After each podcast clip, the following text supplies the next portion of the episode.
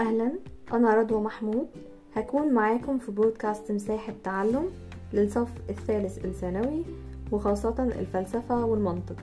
هنكمل مع بعض الجزء السادس من الموضوع الأول وهو الفلسفة وقضايا البيئة. وهنتكلم مع بعض دلوقتي عن هانز يونس وأخلاق المسؤولية. كانت المبدأ والأفكار اللي بتبناها هي أخلاق المسؤولية.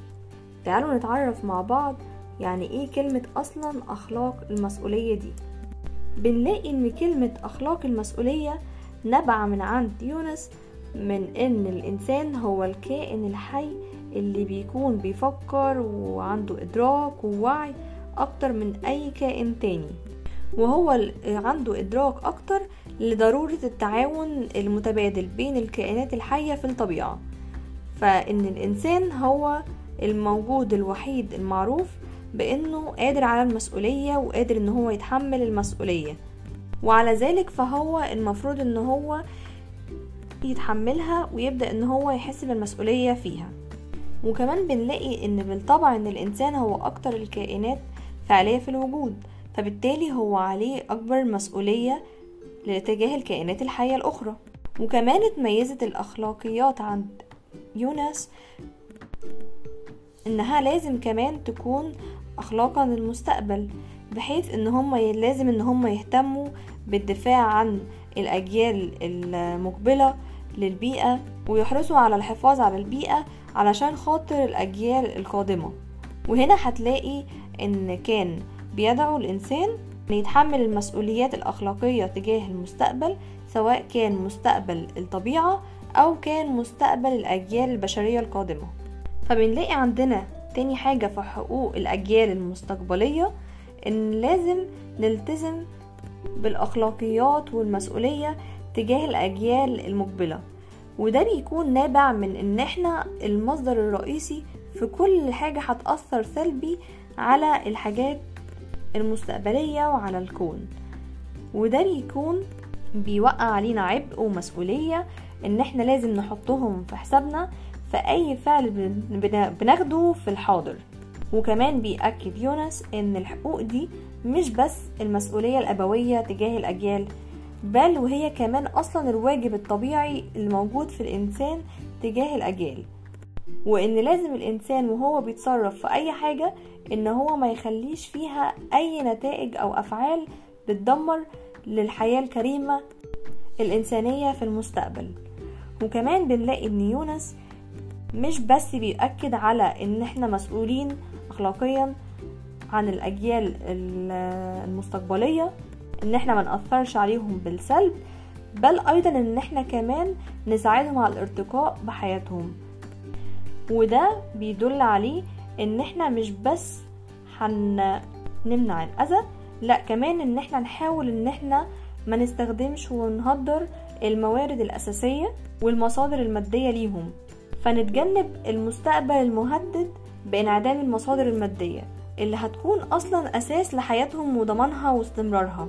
فلازم إن إحنا نخلي بالنا وما يكونش أفعالنا وقوتنا اللي بنعملها دلوقتي بتهدد المصادر المادية والقدرات الطبيعية اللي هتساعد الجيل القادم إن هو يرتقي بحياته وتخدمه في مصادر حياته المختلفة.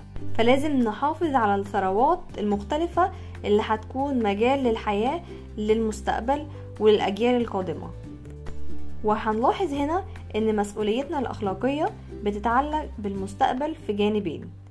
أول جانب هو وجود موجودات بشرية في المستقبل.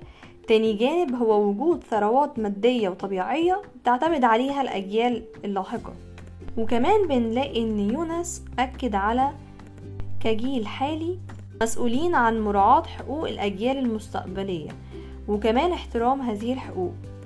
وهنلاقي نأكد على ده دانيال كالهان في بعض الأسس اللي بتؤكد على احترامنا لهذه الحقوق. وهي أول حاجة إن الأجيال الحالية لازم إن هما ما يتصرفوش بطرق تشكل خطر على وجود الأجيال المقبلة. تاني حاجة إن الأجيال الحالية ما تنفعش إن هي تتصرف بطريقة بتشكل خطر على مقدرة المستقبل في العيش بكرامة. يعني إن إحنا ما ينفعش نتصرف بطرق تشكل خطر على أجيال المستقبل اللي جاية إن هي تعيش فيه بكرامة. وكمان تالت حاجة إن الأجيال الحالية لما تكون بتدافع عن مصالحها الخاصة لازم إن هي تعمل الحاجة دي بطريقة تقلل من مخاطر إلى حدها الأدنى. وهنلاقي من هنا إن دعوات يونس وأنصاره للحفاظ على الحقوق بتاعة الأجيال المستقبلية نجحت جدا والدليل على كده إن إحنا لقينا صدر ميثاق لحقوق الأجيال المقبلة بيأكد على خمس نقط أساسية. أول نقطة فيهم إن للاجيال المقبلة حق في كوكب الأرض بإن هو ما يكونش ملوث وتالف وحق في إن هم يستمتعوا بيه كمصدر للتاريخ البشري والثقافة. وكمان الروابط الاجتماعية اللي بتخلي من كل جيل إن هو يحس إن هو عضو في أسرة إنسانية واحدة. تاني نقطة إن الكل جيل بيشترك في إن هو يكون موجود في كوكب الأرض وتراثه إن هو عليه واجب.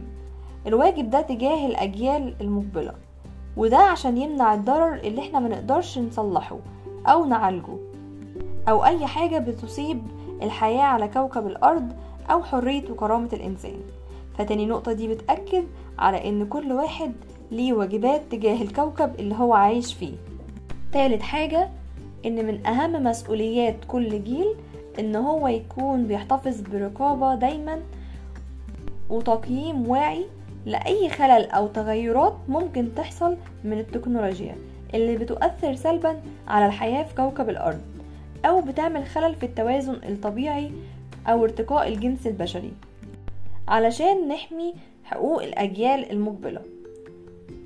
رابع حاجة إن لازم ناخد إجراءات ملائمة شاملة سواء كان تعليم وبحث والتشريع نحط قوانين علشان نضمن الحقوق دي.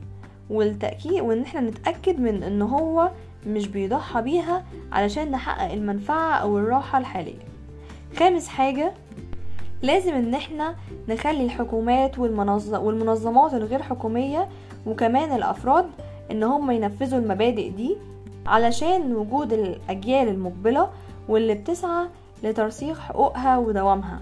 يبقى في الخمس نقط دي كنا بنأكد على حقوق الأجيال اللي جاية وإن إحنا لازم إن إحنا نكون حاسين إن إحنا فرد في كوكب الأرض وعلينا واجب إن إحنا نحميه ونحمي علشان كمان الأجيال القادمة ويكون في قوانين بتحكم كل ده وأبحاث وتعليم علشان يكون صالح للحياة للأجيال القادمة وكمان يساعدهم على إن هم يزدهروا في حياتهم وتتطور أكتر.